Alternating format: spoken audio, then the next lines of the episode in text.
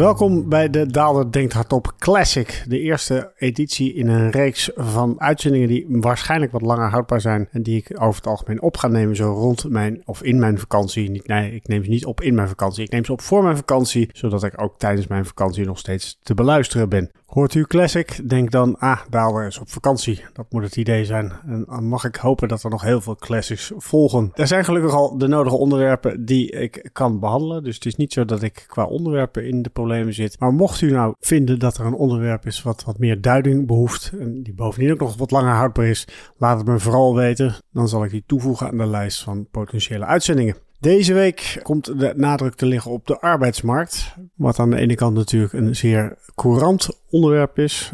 De arbeidsmarkt is op dit moment heel krap. Hoe komt dat? Maar aan de andere kant is het ook een onderwerp waarvan je kan zeggen het heeft echt structurele oorzaken. Maar niet alleen dat. Er is ook een hele duidelijke koppeling naar de financiële markten. En dat is nou precies wat we willen. Want de Daalde denkt hardop. Dat is een podcast die gaat over financiële markten. Trends in financiële markten. Macro-economie. Geopolitiek en alles wat daarbij komt kijken. En daarmee is volgens mij het intro wel afgehandeld en kunnen we beginnen met de podcast.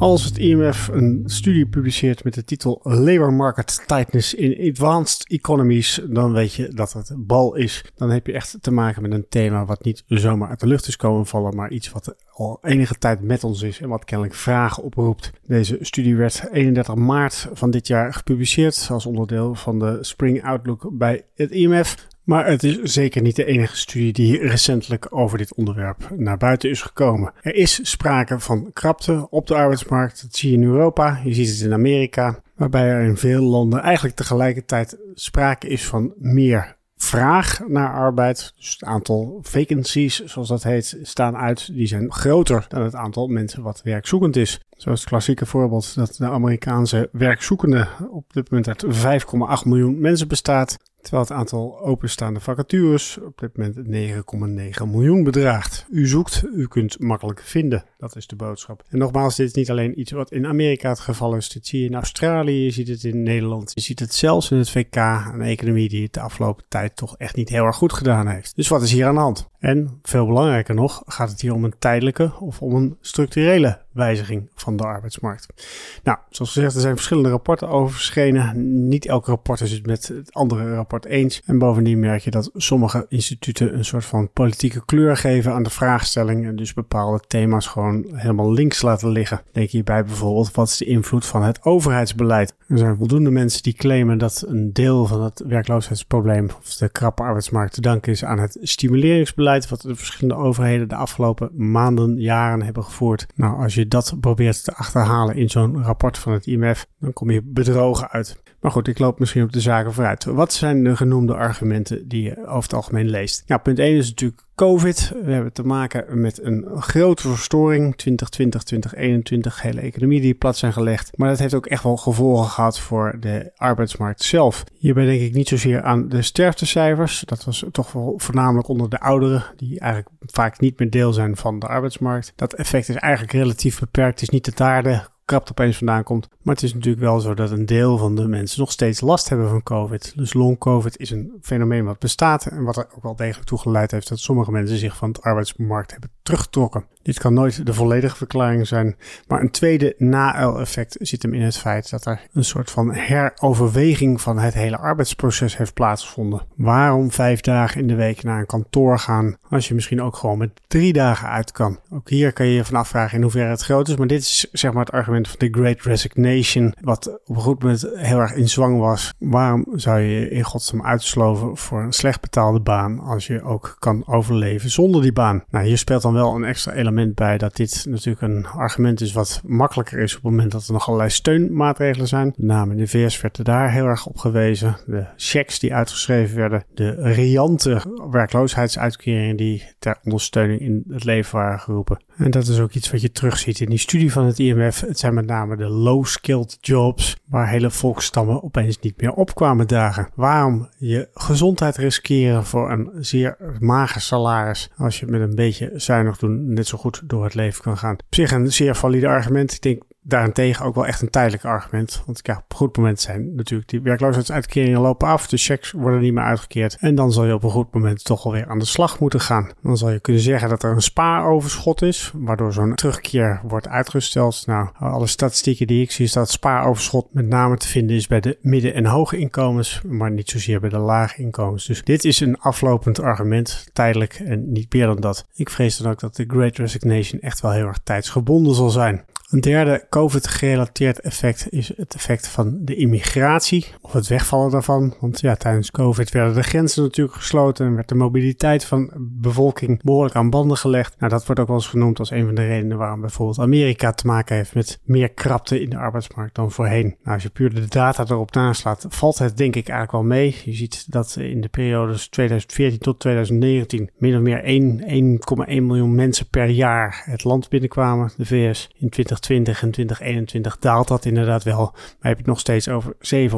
700.000 netto instroom. Overigens zijn dit wel de officiële immigranten, dus degenen die op een legale manier zijn binnengekomen. Dat zegt natuurlijk weinig over de illegale immigranten, die toch ook wel een behoorlijke impact kunnen hebben, met name in de zuidelijke staten van de Verenigde Staten. Past in elk geval wel keurig in het beeld dat het met name de lager opgeleide, slecht betaalde banen zijn waar nu krapte ontstaat. Nou, naast COVID heb je dan vervolgens ook nog te maken met andere trends. Zoals daar bijvoorbeeld de rol van de overheid. Nou, denk hierbij aan Nederland. We hebben de afgelopen jaren de nodige stimuleringspakketten opgetuigd. Maar ook investeringsprojecten, lange termijn op zich niks mis mee, maar het heeft natuurlijk wel ertoe geleid dat je gaat vissen in een krappe arbeidsmarkt. Als dan opeens een overheid als werkgever opeens steeds groter wordt, iets waar ook inderdaad wel statistisch materiaal voorhanden voor is, dan zie je natuurlijk dat dat alleen maar tot een versterking van die krapte leidt. In hoeverre het hier om een tijdelijk fenomeen gaat, ja, daar kan je natuurlijk eindeloos over discussiëren. Het geld van een overheid is natuurlijk ook niet oneindig. Er zit natuurlijk ergens een bodem in de portemonnee. Aan de andere kant, als je denkt aan projecten van bijvoorbeeld de energietransitie, dan snap je dat dat niet iets is wat uh, over een jaar of twee opeens afgelopen is. Dit zijn langlopende projecten waarbij stimulering en subsidiëring, ja, tot allemaal verstoringen, en misschien gewenste verstoringen, maar in elk geval verstoringen van het arbeidsproces kunnen gaan leiden.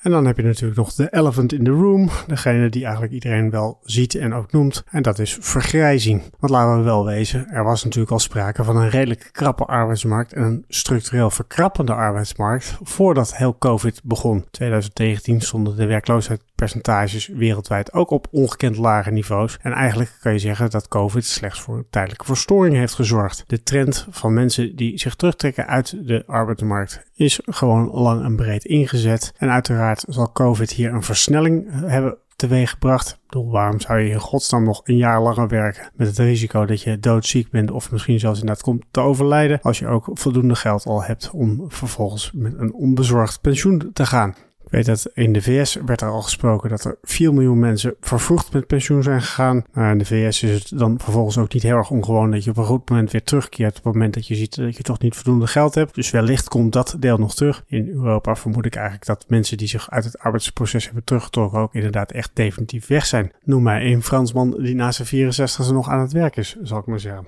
En dit is ook inderdaad wel een beetje de conclusie van het IMF. Die lees ik dan hier ook maar even op. Low-skilled workers accounted for more than two-thirds of the aggregate employment gap vis-à-vis its pre-COVID-19 trend by late 2021, while older workers, including low-skilled ones, contributed about one-third. Let wel, dit verklaart alleen maar het verschil ten opzichte van 2019, waarbij vergrijzing natuurlijk een trend is die niet zomaar opeens omdraait. Let wel, part 2. Ik mis een beetje de rol van de overheden in het hele rapport van het IMF. Stimulering of bestedingspakketten, ombuigingspakketten of investeringspakketten, hoe je ze ook noemen wil, heeft natuurlijk allemaal best wel een impact op de arbeidsmarkt. En zolang die pakketten blijven bestaan, zal ook die invloed wel degelijk tot een verkrapping in de arbeidsmarkt leiden. Ik denk dat dat een beetje de algemene grotere trends zijn. Er zijn natuurlijk allerlei andere interessante wetenswaardigheden. Zo blijken er met name tekorten te zijn in echte vrouwenberoepen, of waar vrouwen meer werkzaam zijn. Veel meer dan bij mannen. En dan heb je natuurlijk de trends die in dit soort rapporten niet opduiken. En dat is de technologische vooruitgang. Denk de afgelopen zes maanden maar terug aan ChatGPT. Hoeveel miljoenen banen ging ons dat alweer niet kosten?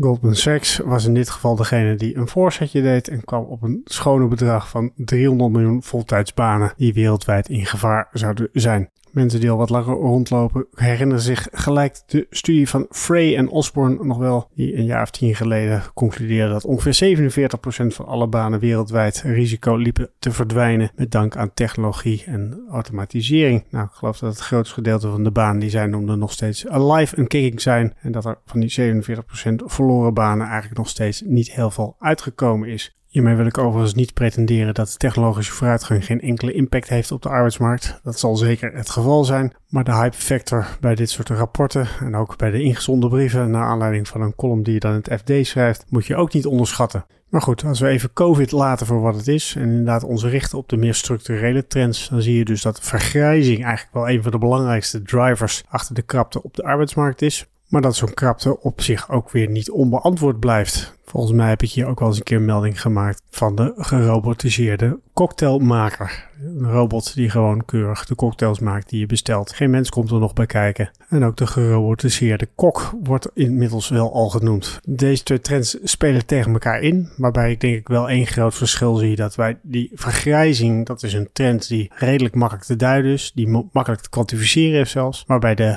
antireactie, zeg maar de automatisering van handjes die er niet meer zijn, die is wat onzekerder. Wat dat betreft denk ik dat je basisscenario toch wel zou moeten zijn dat we te maken houden met een relatief krappe arbeidsmarkten. Relatief krapper in elk geval ten opzichte van wat we gewend waren. Hierbij speelt wellicht ook zoiets als global reshoring een rol. Op het moment dat we allemaal onze eigen chipsindustrie weer in de eigen achtertuin willen opbouwen, betekent dat je ook daar weer meer mensen voor in dienst moet nemen en moet gaan specialiseren. En na de tune ga ik dan vervolgens in wat voor consequenties dit kan hebben voor de economie en met name ook financiële markten.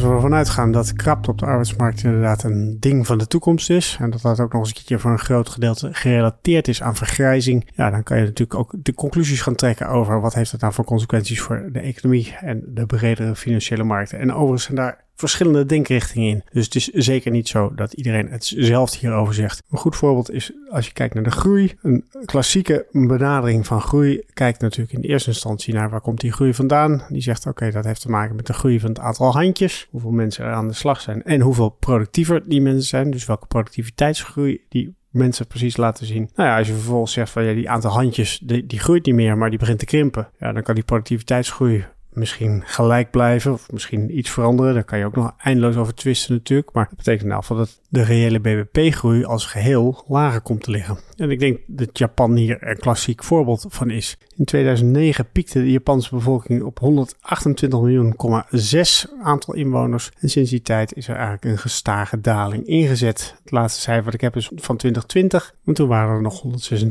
126,5 miljoen inwoners. Nou is die daling misschien niet schokkend, maar betekent in elk geval dat het aantal handjes al enige tijd dalend is. Want je moet er ook vanuit gaan dat een groeiend deel van de bevolking gepensioneerd is en dus eigenlijk helemaal niks meer bijdraagt in de vorm van productie zie je dus ook heel sterk terug in de ontwikkeling van het reële BBP-groei. En ik zal het hier niet nemen vanaf 2009, want dat was natuurlijk een beetje een periode die vertekend werd door de Global Financial Crisis. Maar als ik de cumulatieve groei van het reële BBP van Japan vanaf 2005 neem, dan heb je te maken met een expansie van 8,5%, wat 0,4% op jaarbasis is. De misvatting is dan vervolgens dat dit het verloren 10, 20 jaar van Japan is. De lost decade heb ik wel vaker langs zien komen voor Japan. Nou, dat is helemaal niet zo. Als je puur berekent wat de productie per hoofd van de bevolking is geweest, heeft Japan het in die periode min of meer even goed gedaan als de VS. Per hoofd van de bevolking is Japan helemaal niet armer geworden. En wat dat betreft is die lagere groei op zich geen al te groot probleem. Denk alleen wel dat het allerlei consequenties heeft voor de dynamiek in een land. Dus op het moment dat jij ziet dat jij, jouw afzetmarkt niet meer groeit, zal het voor een bedrijf misschien ook minder rendabel zijn om nog grote investeringen te doen in projecten. Op het moment dat je ziet dat er gewoon geen afzetmarkt meer voor is. En dat probleem wordt natuurlijk groter naarmate meer delen van de bevolking, van de wereldbevolking, een dergelijke trend laat zien. Als het alleen Japan zou zijn, dan zou de Japaner nog kunnen denken: ik doe het gewoon voor de exportmarkt. Op het moment dat je ziet dat die exportmarkt tegen hetzelfde probleem aanloopt, ja, dan zal het de dynamiek van een investeringsbeslissing wel degelijk kunnen beïnvloeden. Kortom, dit is de school die zegt: vergrijzing leidt tot lagere groei, leidt tot een minder dynamisch geheel van de wereldeconomie. Maar nee, zegt vervolgens de andere school, en dan moet je denken aan de school van Charles Goodhart en Manoy Pradhan, voor zover je dat een school kan noemen, de schrijvers van het boek The Great Demographic Reversal: Aging Societies, Waning Inequality and Inflation Revival. Hun startpunt is hierbij eigenlijk gewoon kijken naar wat er de afgelopen 20 jaar is gebeurd. Laten we zeggen de periode 2000 tot 2020. Wat zag je in die periode dat de groei eigenlijk consequent achterbleef bij hetgeen wat we in de periode daarvoor hadden verwacht. Hoe komt dat? Nou, zij zeggen dat heeft alles te maken met het feit dat we zijn gaan sparen voor pensionering. We zagen de vergrijzing aankomen, we wilden een appeltje voor de drost, gingen dus minder consumeren, meer sparen en juist daardoor kwam de groei in die periode lager te liggen. Verwacht juist dat hier een great reversal gaat plaatsvinden. Want wat gaat er gebeuren op het moment dat je met pensioen bent? Dan ga je niet meer sparen, dan ga je juist ontsparen. En bovendien, je onttrekt jezelf uit het arbeidsproces. Dus de handjes die nu nog productief zijn, die nu nog bijdragen aan de groei, die zijn op een gegeven moment weg, maar die zijn nog wel aanwezig als consument, als consumerend onderdeel van de economie. Meer vraag naar goederen, minder productie van goederen. En nogmaals, ervan uitgaande dat minder handjes ook inderdaad tot minder productie leidt. Ja, dan betekent dat je dus vanzelf ziet dat er juist hogere groei kan gaan komen. En, zoals de titel van het boek al doet vermoeden, ook hogere inflatie. Ja maar, ja, maar hoor je vervolgens allemaal mensen roepen: hoe kan dat dan met Japan? Want Japan, daar zie je toch dat die vergrijzing plaatsvindt en dat die inflatie juist niet hoger is. Nou, in hun boek gaan ze dus ook heel specifiek in op Japan en geven ze aan waarom er specifieke redenen zijn waarom Japan afwijkt van de rest van de wereld. En ook de rol van China is hierin apart, want China is natuurlijk altijd tot nu toe het land geweest waar goedkope arbeid te vinden was grote industrialisatie heeft plaatsgevonden met dank aan goedkope arbeid. Ook hier zie je dat de bevolkingspiek inmiddels bereikt is en dus ook dat de bron van de goedkope arbeid de komende jaren gaat opdrogen.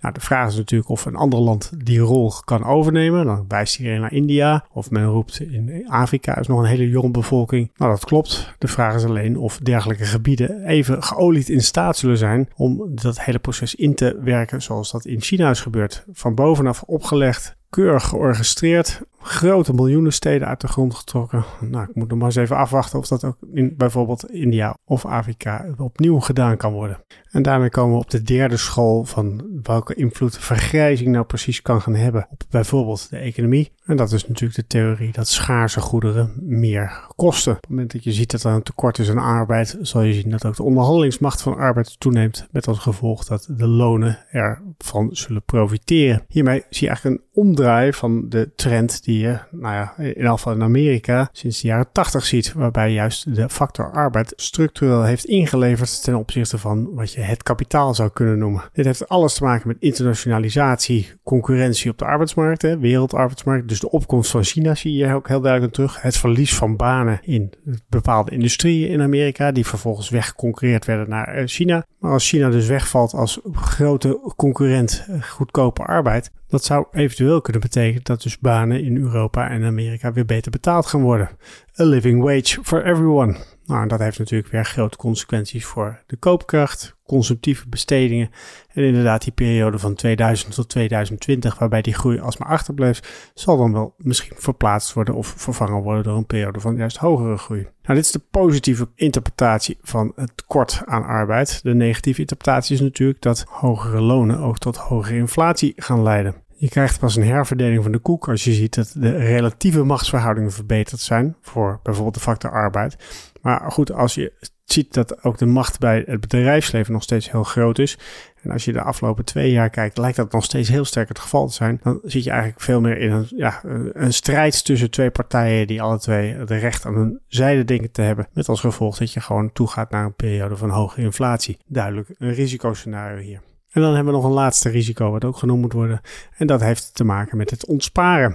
Als we inderdaad zeggen dat in de periode 2000 tot 2020 heel veel gespaard is voor pensionering, maar we gaan toe naar een periode van ontsparen, dat betekent natuurlijk dat de natuurlijke kopers van bijvoorbeeld staatsschuld, staatsobligaties, maar ook aandelen, dat die veranderen in verkopers. En dat kan natuurlijk behoorlijke consequenties hebben voor de waardering van de verschillende financiële markten. Als je puur kijkt naar de waardering van bijvoorbeeld de aandelenmarkten, die zijn de afgelopen 20 jaar sterk opgelopen. Dus als je bijvoorbeeld de Shiller PI pakt, zie je dat de koers-winstverhouding de afgelopen 20 jaar structureel op een hoger plan is beland. Ja, nou, misschien hangt dat allemaal samen met het feit dat we zoveel zijn gaan sparen voor onze pensionering. In dat geval zou pensionering juist al eens een keer een groot risico kunnen zijn voor financiële markten. En met name de mensen die nu een groot vermogen hebben weggezet in bijvoorbeeld de aandelenmarkt of de obligatiemarkt, dat die dan vervolgens in de hoek zitten waar de klappen zullen vallen. Overigens, voordat u nu in paniek al uw aandelen en obligaties verkoopt. Er zijn ook studies waaruit blijkt dat ook mensen die in pensionering zitten eigenlijk relatief weinig interen op hun vermogen ze tegen de tijd dat ze komen te overlijden eigenlijk nog min of meer hetzelfde vermogen hadden dan op het moment dat ze met pensioen gingen. Uiteraard hangt dat wel een beetje af van de ontwikkeling van de financiële markten gedurende die periode van pensionering. Ik kan me zo voorstellen dat als alle koers naar beneden gaat, dat deze vlieger niet opgaat. Maar het geeft in elk geval wel aan dat mensen toch ook een beetje een soort natuurlijke drang hebben om niet alles er doorheen te brassen. Dus dat het met die ontsparing wellicht niet zo heel erg veel vaart zal lopen. Nou, op deze quasi-positieve noot kom ik dan uiteindelijk toch aan het einde van deze podcast, de Classic. Ik zou zeggen, er zit voldoende in om vooral ook met al uw vrienden, kennissen en familie te delen. Maar mocht je daar geen zin in hebben, zorg er in elk geval wel dat je er volgende week weer bent, want dan ben ik er ook weer bij. En dan ga ik iedereen weer op de hoogte houden van wat er gebeurt dus in financiële markt. Prettige vakantie nog en tot ziens.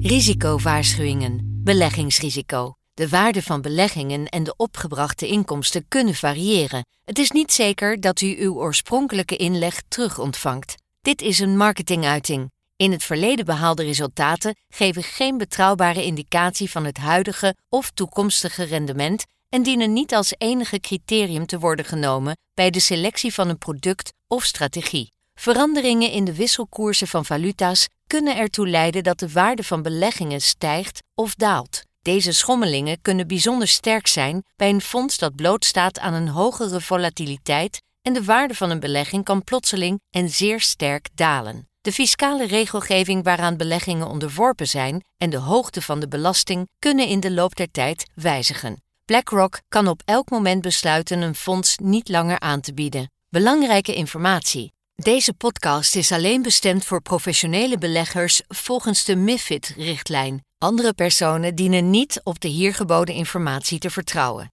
Deze podcast is uitgegeven door BlackRock Netherlands BV, dat een vergunning heeft verkregen en onder toezicht staat van de Nederlandse Autoriteit Financiële Markten. Officiële zetel Amstelplein 1 1096 HA Amsterdam. Telefoonnummer 020 549 5200. Ingeschreven in het handelsregister onder nummer 170 Om u te beschermen worden telefoongesprekken doorgaans opgenomen. Alle in deze podcast vermelde researchgegevens zijn verstrekt door BlackRock en kunnen door BlackRock inmiddels voor eigen doeleinden gebruikt zijn. De resultaten van dergelijke research worden slechts incidenteel verstrekt. De hier geuite visies vormen geen beleggingsadvies en kunnen aan verandering onderhevig zijn. Ze weerspiegelen niet altijd de gezichtspunten van een bepaalde onderneming binnen de BlackRock groep of van een afdeling daarvan en de juistheid ervan kan niet worden verzekerd. Deze podcast is uitsluitend bestemd ter informatie. Het vormt geen aanbod of uitnodiging om te beleggen in een van de fondsen van BlackRock en is niet opgesteld in verband met een dergelijk aanbod. Copyright 2023 BlackRock Incorporated. Alle rechten voorbehouden. BlackRock is een geregistreerde handelsnaam van BlackRock Incorporated en haar dochterondernemingen in de Verenigde Staten en daarbuiten. Alle andere handelsnamen zijn van de respectievelijke eigenaren. Deze podcast mag niet worden verspreid zonder toestemming van BlackRock.